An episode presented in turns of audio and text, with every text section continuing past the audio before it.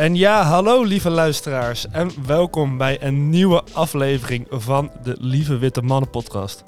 Het is vandaag 10 april en we maken vandaag aflevering 17 van seizoen 2. Waarin ons onderwerp gaat worden de herverkiezing van de Franse zonnekoning. De herverkiezing? Ja, hij kan, hij kan herkozen worden. Oh, het klinkt alsof je ervan uitging dat hij wordt herkozen. Ja, maar, ja, maar ik ga er ook vanuit dat hij herkozen wordt. Oké. Een klein beetje suggestiviteit zit er in, in de vraagstelling. Oké.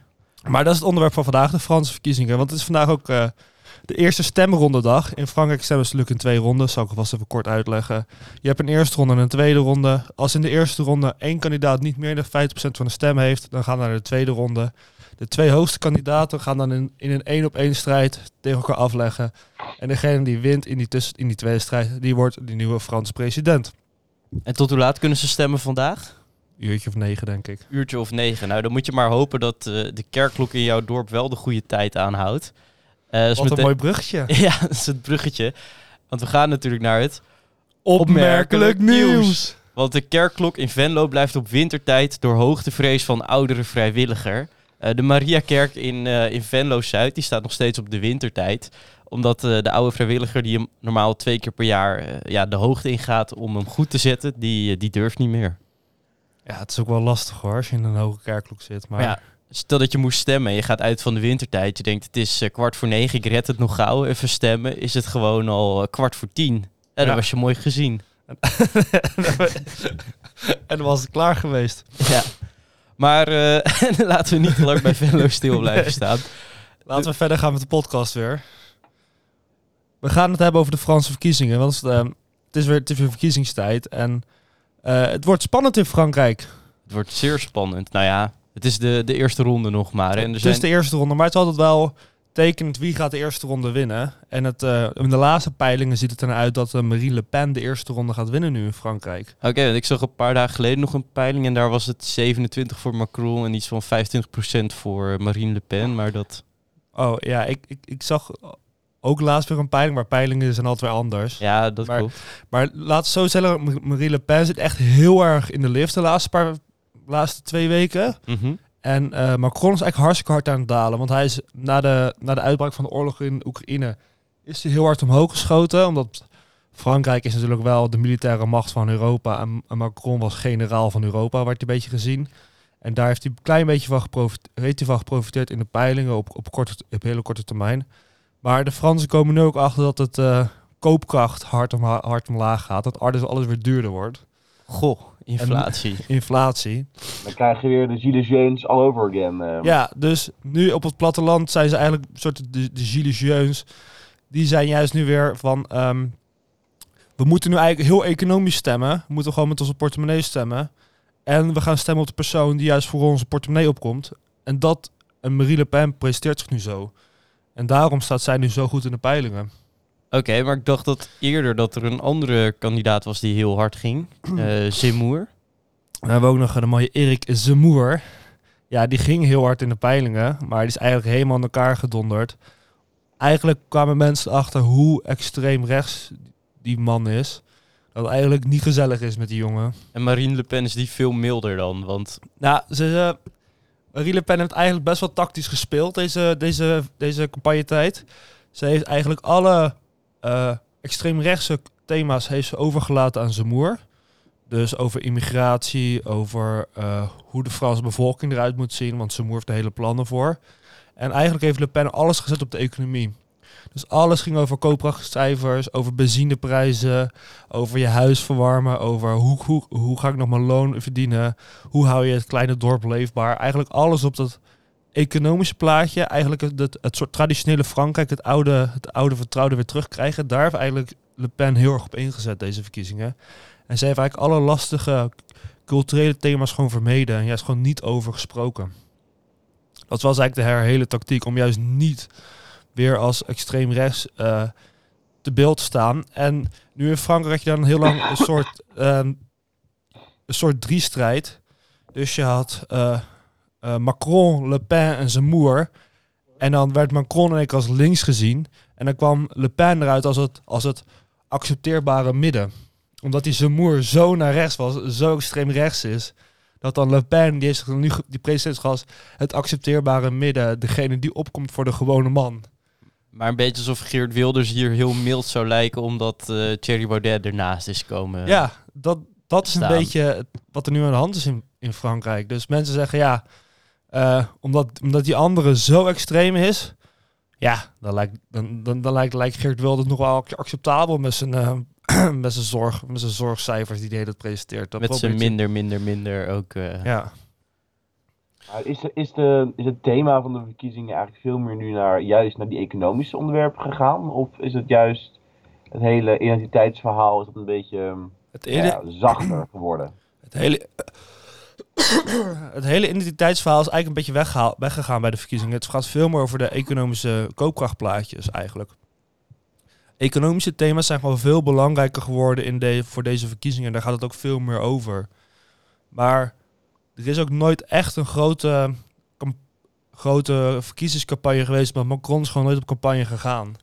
Hij is eigenlijk gewoon heel arrogant in Parijs blijven zitten, gewoon blijven regeren. En dacht van, verkiezingen, dat komt is wel de- goed. Hij is op de deadline van het moment dat hij zich aan- nog aan mocht geven.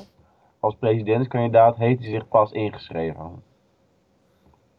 Ja, dus dat toont eigenlijk wel aan. Zo druk. Ik heb eigenlijk helemaal geen tijd om eh, met jullie hier eh, over bezig te zijn. Maar omdat jullie het zijn, maak ik een uitzondering. Zo, zo'n soort verhaal. eh. Een beetje de presidentsbonus eh, maximaliseren, zoals Mark Rutte de ja, nou premiersbonus. ja. dus- exact. Ja, Ja, dat is oprecht wel zijn tactiek, ja. Maar je, hadden het net over die, eh, die driedeling, Zemmour, Le Pen en eh, Macron. Maar eerder zou hij toch wel de voorverkiezingen ook winnen? Of heeft hij op een bepaald moment er zo slecht voor gestaan dat hij niet eens door de voorverkiezingen zou komen? Nee, Macron zag er altijd wel goed uit. Alleen, je, je hebt natuurlijk het twee-ronden systeem. Op een gegeven moment heb je nog van eh, Les Républicains. Dat is een soort van de eh, conservatieve liberale partij, waar ook Sarkozy eh, onderdeel van was. Mhm. Die hebben Valérie Pressaise. Pres- Pressaise, mijn uitspraak Frans is niet zo best. Maar die hebben die eh, als kandidaat naar voren geschoven. En toen had je, hadden ze een tijdje, hadden zij juist heel erg de, de wind mee. En toen dacht ze eigenlijk, zij gaat Macron van de troon afstoten. Mhm. En toen, als zij in een tweede ronde tegenover Macron zou staan, dan zou zij winnen. Dat was, dat was al zo gepeild toen. Oh, Dus Macron heeft een tijdje erop gestaan dat hij niet, eh, niet zou winnen, de, de, Franse, de, Franse verkiezing. Maar als, zoals het er nu naar uitziet, is de kans vrij groot dat hij tegen Le Pen in de tweede ronde staat. En dan eh, is het hem ook weer weer afhangen of hij gaat winnen. Want dan komt er een heel belangrijk aspect. In Frankrijk heb je niet echt links meer. Links, links Frankrijk is een beetje failliet gegaan. Eigenlijk heeft François Hollande, die heeft tot, 2000, tot 2017 was hij president. Maar dat was gewoon echt geen beste president. en die heeft ook een, eh, een vermogens... Een, wacht, een inkomensbelasting van 75% voor miljonairs, meen ik, ingevoerd. Ja. Waardoor al die voetballers alleen nog maar gingen onderhandelen over netto salarissen en niet meer over bruto salarissen. En er aardig wat miljonairs het land zijn ontvlucht. Ja, daar is- Maar Macron heeft die belasting ook weer, eh, weer teruggedraaid, volgens mij. eh, Ja. Ja. Macron is natuurlijk eigenlijk, en dat zag je ook met hele protesten rond de Gilets jaunes, is een echte liberaal. Hij wilde, hij wilde de Franse economie liberaliseren. Frankrijk is natuurlijk gedomineerd door, door een aantal grote, door de overheid, ge, eh, nou, de, door de overheid bezeten, bezitten eh, industriële conglomeraten. Ook Renault en dat soort ja, autobedrijven. Auto, eh, bedrijven. Ehm, en ja, die maken gewoon best wel wat failliet, zeg maar. Hij, wil eigenlijk, hij is eigenlijk een neoliberale president. Misschien wel de eerste in Frankrijk. Maar- Die dit systeem eigenlijk van de hand langzaam wil gaan doen. Maar het hele systeem is eigenlijk ontzettend impopulair. Hij wil dat het meer winst maakt, minder overheidsuitgaven. Maar de meeste Fransen, ja, die vinden het eigenlijk wel prima. Die willen juist een gegarandeerd inkomen. En die willen juist die door schulden gefinancierde sterke Franse eh, hand in de economie graag eh, in, stand houden. Ehm, en ik dat hij daar ook een beetje tegen aanloopt nu met het hele verhaal.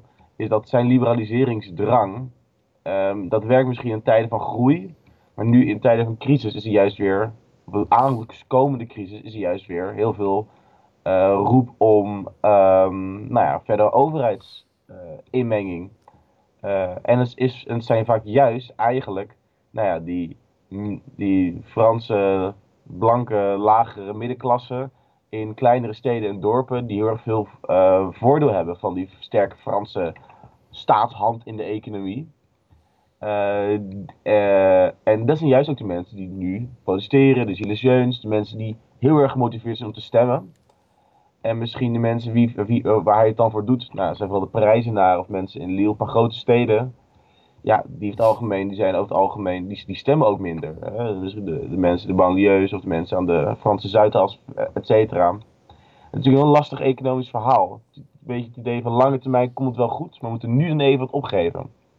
En ik denk dat hij het gewoon in de praktijk er niet doorheen kan, dus die niet er doorheen door zou kunnen, zou kunnen krijgen. Gewoon in deze tijd. Ja, maar zo... en daar wordt dus afgetroefd mee door, nou ja, door de Le Pen's. Die enerzijds een wat linkser economisch verhaal hebben. Of die, nee, nee, een beetje PVV links, zeg maar. Ja, zeker. Um, maar die ook um, inspelen op die nou, identitaire problemen die in Frankrijk heel erg heersen.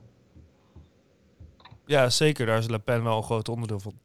Maar vooral Macron is ook echt een hele, echt een hele grote neoliberale econoom eigenlijk. Want hij heeft ook al zijn als een beleid wordt nu ook bijvoorbeeld uitgevoerd door McKinsey. Dat is nu ook een schandaal in de Franse politiek. Uh, de hele Franse overheid, uh, de hele corona-aanpak is uitbesteed aan McKinsey. En de Franse overheid heeft een miljard euro betaald aan McKinsey. Om gewoon de Franse uh, corona-aanpak maar te regelen. Omdat Macron geen vertrouwen had in de eigen, zijn eigen ambtenaren. Dat is nu eigenlijk gewoon een heel groot schandaal. Want McKinsey heeft hem juist weer geholpen in 2017 uh, tijdens de verkiezings, uh, tijdens de uh, presidentiële verkiezingen, juist met heel veel. zij hebben, McKinsey heeft eigenlijk toen zijn politieke programma geschreven, bijvoorbeeld. En dit is eigenlijk een soort van een reldienstje nu. Is nu het gerucht in Frankrijk. En Le Monde is er heel erg op ingedoken. Dat eigenlijk gewoon McKinsey nu heeft geprofiteerd van het reldienstje van eerder. Door eigenlijk gewoon een miljard binnen te halen aan opdrachten van de Franse overheid. Klinkt. En het is eigenlijk wel weer toonaangevend voor hoe gewoon uh, hoe neoliberaal eigenlijk Macron is. Hij is gewoon uh, een, hij is gewoon echt een voorstander van een kleine overheid, marktwerking. Uh, niet alleen maar meer via een grote sociale verzorgingsnetwerk van Frankrijk te reageren, maar gewoon vooral met, met nieuwe innovatieve bedrijven die juist willen oprichten. En eigenlijk is dat nu gewoon een hele grote tweestrijd die ik overal wel ziet in deze wereld. Je hebt de stedelijke bevolking die er heel erg bij gebaat is, die internationaal georiënteerd is, die kan uh, concurreren met internationale bedrijven. Die gewoon uh, de mogelijkheden en de capaciteiten heeft om gewoon goed, goede bedrijven te kunnen leiden en daar te kunnen werken. Maar je hebt natuurlijk ook gewoon de Franse, de Franse plattelandsbevolking. En die buiten de paar grote steden wonen. En voor hun is het natuurlijk gewoon veel lastiger om nou echt te kunnen concurreren met internationale bedrijven. En die zijn eigenlijk al eeuw, die worden eigenlijk al honderd jaar denk ik beschermd door de Franse overheid via allerlei verschillende wetgevingen. En die zitten eigenlijk hartstikke goed in hun industriebanen, in hun, uh, in hun uh, boeren, uh, in hun boerenbedrijvenbanen. Die zitten eigenlijk hartstikke prima en die willen eigenlijk gewoon niet dat het hele systeem opengebroken wordt en geliberaliseerd wordt. Wat misschien in een economisch perspectief wel beter zou zijn voor Frankrijk. Maar politiek is dat totaal geen winsituatie, want dan moet je even door de eerste klap heen van, de, van deze liberalisering. En die klap die wil je eigenlijk nooit, die, die kan je bijna nooit goed leiden. vooral niet in de crisis die nu weer soort aan te komen met de hele brandstofcrisis. Dat zijn weer precies dezelfde mensen die ook al geprotesteerd hebben toen met de gele hesjesbeweging. Want daar begon het natuurlijk ook al mee dat de brandstofprijzen verhoogd werden.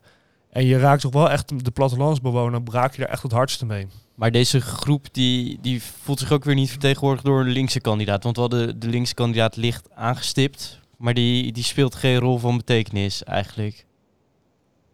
Ja, maar ja, ook wel weer een beetje. Maar die Mélenchon, die is, uh, dat is, dat, dat is dan de kandidaat van uh, links. Ik weet even niet zijn partij. Hij is van uh, La France Insoumise. Oh. Dan, dan, dan, maar hij is soort van, van, hij is wel een extreem linkse kandidaat, is hij ook weer. Dus hij is juist weer gewoon ouderwets een voorstander van de grote overheid. En de overheid die alles gaat oplossen. Dat vertaalt trouwens als opstandig Frankrijk. La ah. France Insoumise. Prachtige, een prachtige partijnaam heeft hij gekozen. Of hebben zij gekozen. Maar op een of andere manier... De overweging natuurlijk heel lang in Frankrijk is nu... is dat uh, Frankrijk heeft al jaren te kampen met grote uh, werkloosheid. Uh, hoge jeugdwerkloosheid. Zit echt aan de 10, 15 procent volgens mij. Dat is, dat is gewoon echt flink voor een moderne economie. En nou ja, een beetje economische, een beetje micro-economie zouden, zouden zeggen. Werkloosheid is te hoog. Waarom? Omdat de lonen gewoon te hoog zijn. Te hoog, dat soort zaken. Allemaal naar beneden. Nou, en dat, dat, dat lult hij dus ook tegen zijn eigen bevolking. Maar de mensen die, die dus al een baan hebben, zitten hem te wachten het nu nog verlagen van lonen. Eh, achteraf, zeg maar. Met ook stijgende prijzen en lonen die net zoals in de rest van de wereld al overal gestagneerd zijn. Als je dan presidentskandidaat hebt die actief het heeft over het, nou, verlagen van lonen om competitiever te zijn. eh, het verslechten van het bekende Franse arbeidscontract. Dat nu eh, nou, vaak een baan voor leven ongeveer garandeert. Is de mensen dat, willen mensen helemaal niet. Niet. Niet alleen de mensen die het nog niet hebben, maar ook de mensen die dus mogelijk ooit zo'n baan zouden kunnen krijgen. Ook al hebben die nog niet. En, ja, de oplossing voor velen is denk ik niet die verdere liberalisering, waar ehm, ehm, niet verdere liberalisering waar veel Fransen op zitten te werken. eh, zitten, eh, die, waar, Frans zit niet, niet, denk ik niet echt te wachten op die verdere liberalisering en het verlagen van inkomens of van eh, arbeidsrechtbeschermingen. Nee, maar dat is ook hartstikke logisch, want de gewone Fransman gaat ook helemaal niet profiteren van verdere liberalisering.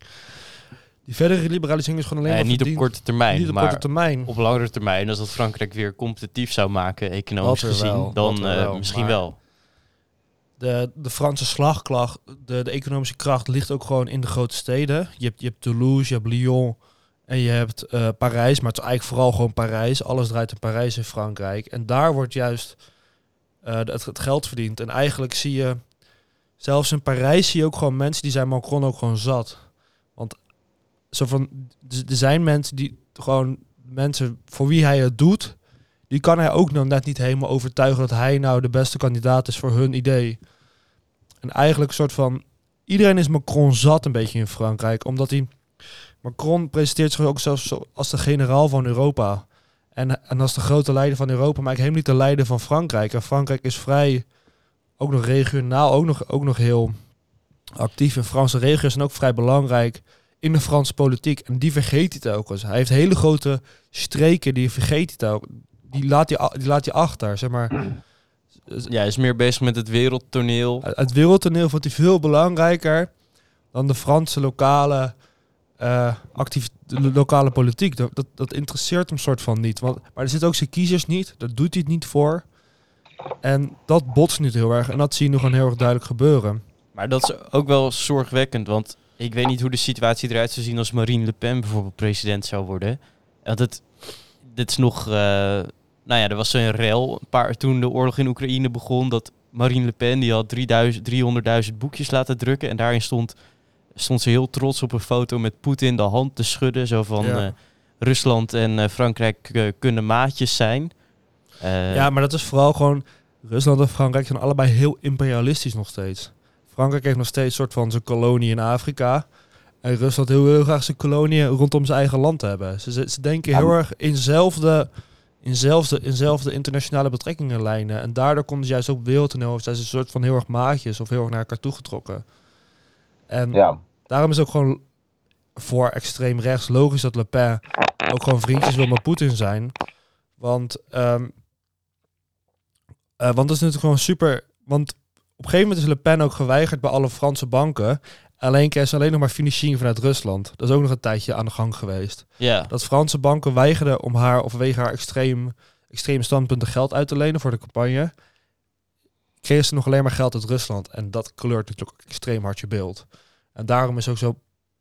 Was ze misschien pro-Russisch, maar dat zit er natuurlijk wel nog een klein beetje in. Maar hoe kan ze in de huidige situatie zo, hard, zo hoog in die peilingen staan, terwijl ze die link met Poetin heeft? Dat zou je toch Ja, maar- meteen af moeten schrijven voor de verkiezingen. Maar- Ja, maar ik denk, ik denk dat oorlog, oorlog en, princi- en principes is echt wel iets dat, dat kan je hebben als je het voor de rest van je leven wel goed hebt. Als je gewoon te eten hebt, als je gewoon geen zorg hebt over je geldsituaties, dan kan je prima over principes, over oorlog na gaan denken. En dan kan je denken, dit, vind ik, dit, dit, dit wil ik niet hebben. Maar als jij gewoon geen geld hebt om je auto met benzine te vullen, als jij gewoon ge- niet genoeg geld hebt om gewoon een normale maaltijd voor jezelf neer te zetten, dan denk je van, die oorlog in Oekraïne zal maar een worst wezen. Ik, moet gewoon, ik ga eerst voor mezelf zorgen en dan pas komt de rest. Dus als jij gewoon een Ja, ik gewo- denk- als jij de gewone Franse, bevolk, Franse burger bent en je woont in een, regionaal dorpje, Wat maakt die oorlog jou dan uit als jij zelf niet alles goed voor jezelf hebt? Ik denk dat dat wereldbeeld wel heerst. Uh, inderdaad, bij veel Fransen. Uh, en natuurlijk sowieso ook in de Franse buitenlandse bestuurspolitiek, zeg maar. Het heeft een heel lange geschiedenis met Rusland. De alliantie met de, met, met de Russische tsaar, nog voor de, nog voor de Eerste Wereldoorlog. En nu ook in de laatste maanden, jaren eigenlijk, dat Macron op persoonlijke basis zo goed contact zou hebben met Poetin. En daar kon hij zo goed mee praten. Ik denk ook omdat vooral Frankrijk wilt een eigen wereldmacht zijn. De bestuurlijke cultuur wil het heel erg graag. Um, nou ja, zij vinden hun plaats in Europa of in de NAVO als slechts een, een, een lid eigenlijk te weinig. Um, Rusland daarentegen heeft een visie voor Europa waarin enerzijds Rusland de oostelijke helft bezit, Duitsland het midden en Frankrijk mag het westen hebben. Dat is een idee dat voor de Fransen ontzettend interessant is. En Rusland neemt dus Frankrijk ook erg, nam in ieder geval, eh, in, in uitingen, uh, Frankrijk erg serieus in hun staat als wereldmacht. Nou, en dat vinden de Fransen natuurlijk fantastisch.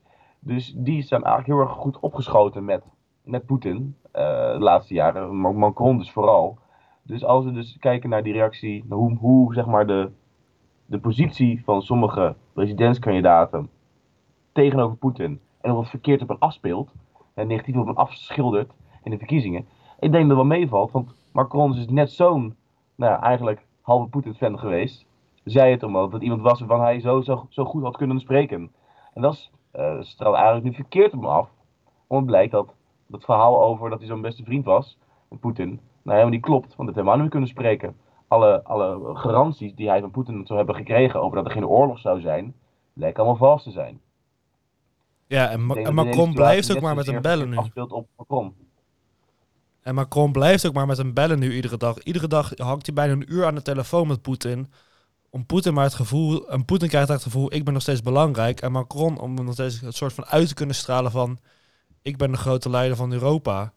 En hij blijft dat connectie houden. Iets wat andere landen, Boris Johnson van, van het Verenigd Koninkrijk, verbelt, gaat, gaat veel minder vaak bellen met een, met een Poetin. En Scholz gaat ook vinden vaak bellen.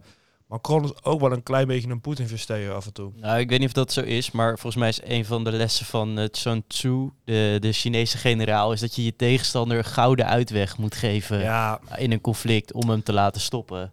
Ja, maar daar ben ik het mee oneens. Ja, daar ben ik het niet mee oneens. Ik denk dat het het beste is voor iedereen als het conflict snel stopt. Maar, ja, maar Poetin moet wel iets geen, thuis kunnen laten. Ja, niet dat ik... is geen rationele, rationele, betrouwbare persoon en die gaat niet alle vredesakkoorden die je met hem sluit, die breekt hij persoonlijk binnen een maand. Ja, klopt. Dus ik ben ook geen voorstander. Liefst zie ik dat hij uh, gewoon verdwijnt. Maar... Je, je, je, kan er een gouden brug naar hem bouwen, maar die brandt hij echt na twee seconden steekt hij maar weer in de fik, die gouden brug van je. Het doet hem echt, het doet hem echt niks. Ja, ja, ik zie hem ook al, je boek, Raoul, de, The Art of War for Executives. Maar het is gewoon een, je, je kan een leuke gouden brug bouwen, maar hij gaat die gouden brug nooit respecteren. Hij gaat er niks mee doen. Hij steekt hem weer in de fik. Het is klaar.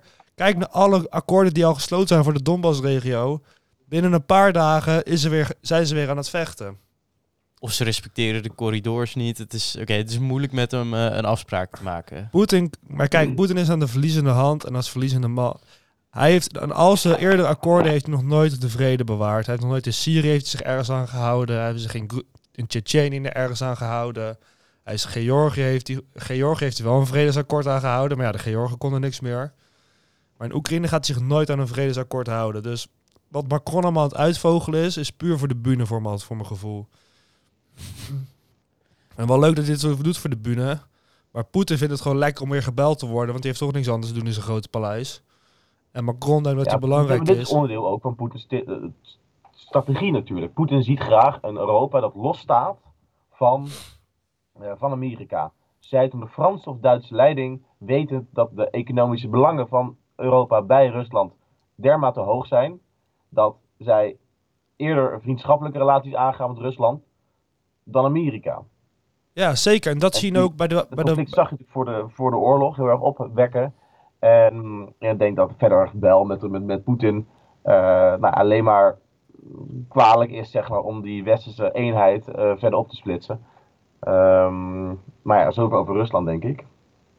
Ja, zeker. We gaan weer terug naar Frankrijk. Nog onze zonnekoning. dan hebben we ook nog eventjes over eh, de extreem linkse kandidaat Mélenchon nog even kunnen hebben. Want eh, er worden ook peilingen gedaan onder grote studentenbevolkingen. Want wij zijn natuurlijk ook studenten. En 50% van de Franse studenten die gaan stemmen op Mélenchon. 50 procent. 50%. Dat is ook alweer heel interessant om te zien eigenlijk dat een grote deel van de jongeren, als ze links willen stemmen, dan stemmen ze ook gelijk op extreem links. En daarnaast hebben ze ook, uit, hebben ze ook uitgesproken, als eh, de tweede ronde Macron-Le Pen is, dan gaan ze niet stemmen. Gaan ze niet stemmen. En dat is eigenlijk een best wel grote bevolking die eerst wel op, die eerst op links wil gaan stemmen in de eerste ronde. Die hebben eigenlijk best wel groot uitgesproken dat ze in de tweede ronde weigeren te stemmen. Want ze vinden ze allebei eigenlijk even slecht. En ze hebben helemaal geen zin in deze tweestrijd die, die, die zich nu waarschijnlijk gaat afspelen. En als dan Le Pen nog wel een hele sterke bevolking kan oproepen, dan kunnen we zomaar hebben dat eh, over een maand geen Macron meer in het in Franse president is. Wat zou de invloed zijn, denk je, Jury, van ehm, Europa? Wat, wat, zou de invloed zijn op de Europese Unie en de Europese eenwording en het, nou ja, die, die Frans-Duitse as die altijd zo belangrijk was, ehm, als Le Pen eh, presidentskandidaat wordt? Ik heb wel gehoord dat zij langzaam wat minder euro-cynisch is geworden. Dat wat gematigd is geworden, ook op het Europese Unie-aspect ervan. Ja, Eh, is dat correct? Ja, ze is, Eh, echt, is het- ze is echt best wel pro-Europa geworden. Want eigenlijk, ik denk dat de brexit echt wel een wake-up call is geweest. Ook voor de, Franse, de, hele, de hele Franse Brexit-strategie. Eigenlijk komen ze achter, Frankrijk hoort in de Europese Unie. En ze komen erachter, als zij in onderdeel van de Europese Unie zijn, kunnen zij het meest profiteren van de Europese Unie. Dus de Frankrijk ontvangt dan bijvoorbeeld ook het meeste uit de landbouwfondsen. Puur omdat ze dat zo goed voor elkaar gelobbyd hebben. En die hele posities, die willen ze niet kwijt. En omdat Le Pen ook heel erg voor de plattelandsbevolking op wil komen, is eigenlijk heel van belang om juist die Franse subsidies juist te, ver- te vergroten. Dus zij is juist heel erg van plan van de Europese Unie moet eigenlijk soort van betalen voor Frankrijk, want Frankrijk is het land van Europa. Maar ze moeten ook gezien hebben dat Engeland eigenlijk alleen maar slechter eraf, ervan af is Ja, nadat ze uit de EU gekomen zijn. Ze vooral- moeten zich aan dezelfde afspraken houden. Ze hebben alleen aan de tafel niks meer te zeggen als de afspraak gemaakt wordt. Ja, zeker. En daar, daar, daar, En daar is Le Pen zich heel erg bewust van. En eh, zeg maar, een, een Brexit is voor, nie- voor niemand echt interessant. Maar ik denk vooral voor Europees niveau is het heel interessant. Kijk, een Macron, die, die kunnen wij nog wel allemaal zien als leider van een, bijvoorbeeld. We willen nu ook een Europees leger, is nu ook een heel belangrijk onderdeel. Alleen hebben wij zin om een Europees leger te krijgen dat eigenlijk onder leiding staat van Le Pen? Dat, zien de- dat, dat wordt denk ik wel een heikel puntje. Want dat, wordt, dat zien mensen minder graag gebeuren natuurlijk. En een Ja, Europees dat leger. Maar dat, daar moet je natuurlijk instituties voor, eh, voor creëren. Eh, ik denk natuurlijk sowieso, het, eh, de Europese Unie heeft zich door de migratiecrisis ook eigenlijk laten kenmerken door een eigenlijk best wel rechtse lijn. Qua het afweren van boten, het opzetten van Frontex als een sterke macht. Waardoor ook de, de- het idee van oh, Europa is, is eigenlijk on, staat gelijk aan oneindeloze eindeloze ehm, immigratie-invloeden. invloeden van eindeloze immigra- immigranten. Nou, dat ook al zet meegevallen. Die hele oorlog in Oekraïne. Hè, dat, dat, dat vermenselijkt ook die Oost-Europeanen. Misschien nog een stuk Oost-Europese dan de Polen of de Hongaren of de, of de Roemenen. En nou, het het racisme dat, in dat dan in Frankrijk was voor de Roemenen en de Polen, is ook langzaam aan het verminderen. Dat zie je ook in Nederland. Hè. Die, die Oost-Europese immigrant, immigratie is eigenlijk bijna. Niemand heeft er echt heeft, lijkt, er, lijkt er ondertussen last van te hebben. Van die lui. nee, ze, dat- ze dat- ze dat- zijn oprecht goed aan het integreren in de Europese eh, samenleving. Ja, nou, zowel dus de Fransen als de, als de Euro- Oost-Europeanen, zeg maar. Hè, allemaal tot toch een soort tot een Europees ideaal. Juist omdat de dreigingen van buiten Europa groter worden. Zien we, elkaar, zien we onszelf als meer Europees. Ja, en, ik- En ook economisch gezien, denk ik, is Europa natuurlijk ook wel wat linkser geworden eigenlijk. Hè. Grotere focus op die economische steun en de grote rol van Europa ook om het, om, in het ondersteunen van Zuid-Europese landen. Met die steunfondsen, de eurobonds die er eigenlijk doorheen ge- ge- gekomen zijn. Eh, Europa is eigenlijk niet meer dat bolwerk van pro-immigratie en neoliberalisme als het misschien was tien jaar geleden. Toen de, de oproepen tot eh, Brexit of Frexit of Nexit het grootst waren. ja, de Europese Unie is wel echt veranderd. En ik denk dat de Europese Unie ook veel meer naar het idee van de, de, de populistisch rechtse eh, leiders heen zijn gegaan. Ja, populistisch links eigenlijk. Economisch linkser, maar wel populistischer. Ja, maar ik denk, denk populisme in zijn, geha- in zijn geheel is sowieso, ik, sowieso een sterkere overheid en eh, dichtere grenzen. En dat is sowieso wel bereikt met huidige Europa. Ik wil, ik wil niet steeds links of rechts gebruiken. Het is gewoon... De, kijk, maar de, maar de, maar de Europese Unie is ook gewoon een dynamisch, 90 en dynamisch nu, instituut. Wat zich natuurlijk ook gewoon kan binden. Het, het kan schuiven natuurlijk. Het kan schuiven naar wat is in de, in de huidige politieke dimensie. Wat is daar natuurlijk belangrijk. En, ehm, er is nu gewoon heel veel draagvlak van een sterk ingrijpende overheid in een, in een, in een coronacrisis of in een energiecrisis. En er is natuurlijk ook gewoon heel weinig draagvlak meer binnen de Europese samenleving voor grootschalige migratie. Tuurlijk, we willen wel echt vluchtelingen willen we echt wel opvangen. Dat zie je overal in Europa gebeuren. Maar voor groots, we zijn niet meer het walhalla voor de hele wereld. En dat hebben wij wel duidelijk afgegeven. En maar dat is ook gewoon wel invloed. Er zijn ook wel invloeden, denk ik, van. ehm, je hebt natuurlijk de populistische leiders in West-Europa, maar ook wel de standvastige eh, leiders van eh, Centraal- en Oost-Europa, zoals een Orbán en de Poolse leiders, die eigenlijk heel erg streng zijn in hun, ehm, in hun regels wat ze willen accepteren. En dat geeft, eh, dat is Europa wel weer gevormd hierin. En dat heeft wel weer ook wind uit de zeilen eh, gehaald voor een Frexit of voor een Nexit. Want niemand zit er nu echt op te wachten, ook op cultureel gebied niet meer. Want we hebben Ja. helemaal geen grootschalige immigratie meer vanuit het Midden-Oosten. Dat is echt wel gestopt. Nee, ik denk, ik denk wel echt dat een, eh, dat een ehm, nou ja, en Le Pen als pre- president wel zou zorgen voor een andere Europese Unie.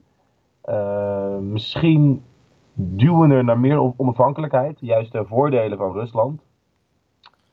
Eh, en toch wel minder openlijk. En een groter voorstander van de fratsen die men in Oost-Europa aan het uitvoeren is. Hè. De onderdrukking van burgerrechten in vooral Hongarije en toenemende mate ook in Polen. Ehm, daar is de Europese Unie best wel eh, streng in, houdt daar stijf poot in. En dat, daar, daar, ben ik wel angstig voor, eh, voor dat die situatie veel uit de hand zou lopen als, Macron, eh, als Le Pen Frans president zou worden. Ja, ik denk dat Le Pen is wel iemand die nog wel een oogje dicht wil knijpen voor een Orbán. Die er niet heel hard stelling in wil gaan nemen om echt eh Orbán en Hongarije echt voor, met artikel 7 bijvoorbeeld echt voor het blok te zetten. ik denk dat Le Pen is wel iemand meer met, met de zal van hand van ook populistisch rechts door, door Oost-Europa zal gaan en zo van dit, dat jullie nu je burgers aan het onderdrukken zijn, dat zullen we zien wel even door de vingers, want we zijn toch allemaal hetzelfde. Ik denk dat zij er echt minder streng op is op Europese waarden. Dat geloof ik zeker wel.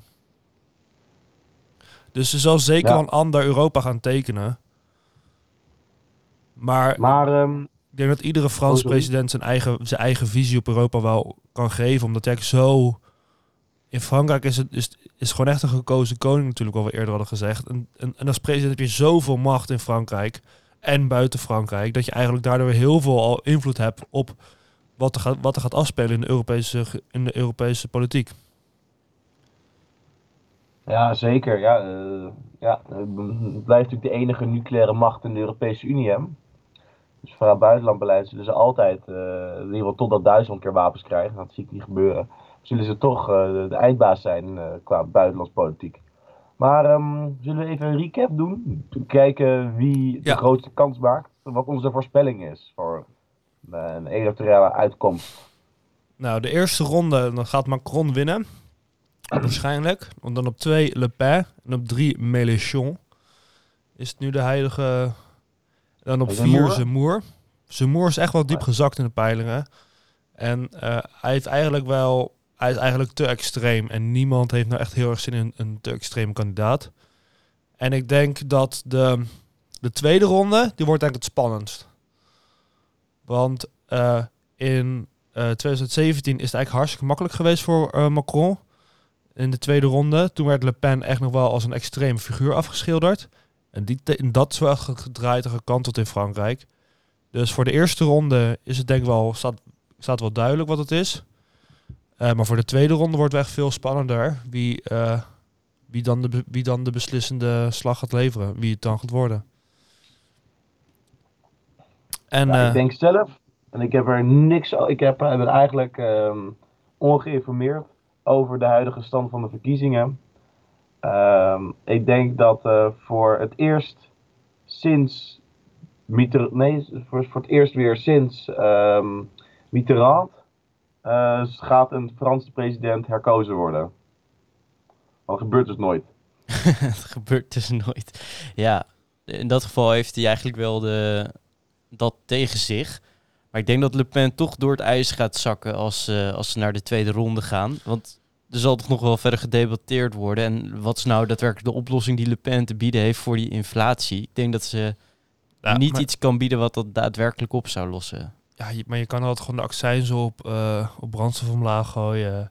Een beetje, een beetje met eh, geld strooien naar de arme bevolking. Eh, je, je, je, je kan als overheid genoeg bedenken met uitgavenpatronen om deze energiecrisis zo zacht mogelijk te maken voor je lage inkomens. En ik denk dat Le Pen heeft er echt wel een goed gevoel over, of, een- of, een goed, of een goede raden ervoor, wat nou nodig is voor die lage bevolking, om daar een oplossing voor te bedenken. Dus je denkt dat Le Pen gaat winnen? Ik zie Le Pen nog wel winnen. Ik denk dat Macron zijn arrogantie geen... Mensen zijn hem zat. Iedereen is er klaar mee. Hij gaat helaas verliezen. Zijn eigen schuld ook. Dat is mijn voorspelling. Wat is jouw... nou, dat is een heel eh, tragische conclusie. En trouwens, het was niet, eh, het was niet eh, het was Chirac, eh, de president, eh, Hmm. die, dus, die als laatste herkozen is. Beleid Durgres. en, en, en hoe, conclusie. hoe lang is dat geleden? 2002. Oh, niet zo heel lang geleden. Maar daarvoor zitten er ook heel veel die niet herkozen worden, toch? Ja, de Franse pre- sowieso. En daar hebben we het ook eerder over gehad met een, verkie- met een eerdere aflevering over Frankrijk. Het, Frans, het Franse, het, de Franse politiek is, de Franse democratie is inherent heel instabiel voor een of andere reden. Altijd, eigenlijk altijd zo geweest sinds eh, de Franse revolutie. Eh, we, zitten, we zitten ook namelijk al in de vijfde republiek. Ehm, en de vijfde republiek is ook ontstaan omdat er enorme chaos was politieke chaos ontstaan eh, na de eh, Alg- Algerije-oorlog. Uiteindelijk is toen de Gaulle binnengekomen en heeft er de presidentiële machten ontzettend uitbreid. En sindsdien is de politiek eigenlijk stabieler, de parlementaire politiek. Maar omdat, er over, omdat, de, omdat zeg maar, de president zoveel macht heeft, is het ook echt allemaal zijn schuld. Hij kan, hij kan alles aan doen. En daarom is de, is, is de president een heel onstabiel figuur in Franse politiek. En is de rest van de Franse politiek eigenlijk best wel stabiel. Het is eigenlijk een bliksemafleider van al het gezeik in het land. Omdat de president, de zonnekoning, de gekozen zonnekoning, eigenlijk ook echt alles aan kan doen. Dus ja, ik, ik, ik, ik, ik, eh, ik eh, kan me inderdaad goed voorstellen dat, eh, dat hij eruit ge- gedonderd wordt. Eh, gezien de, nou ja, eh, dit feit. Nou, dan gaan we het... eh, over twee weken gaan we het zien. Over twee weken is de tweede ronde. Volgende over twee weken zondag. En dan eh, is de grote vraag... Gaat Macron zijn tweede periode in of niet? Klinkt niet rooskleurig, maar ik, eh, ik hoop van wel. Ja, we gaan het zien. En eh, hiermee wil ik de luisteraar weer bedanken aan het luisteren naar eh, deze aflevering. En eh, ik zou ook willen zeggen, abonneer je op deze podcast in je favoriete podcast app. En dan zeg ik tot de volgende keer. Tot de volgende keer. Uw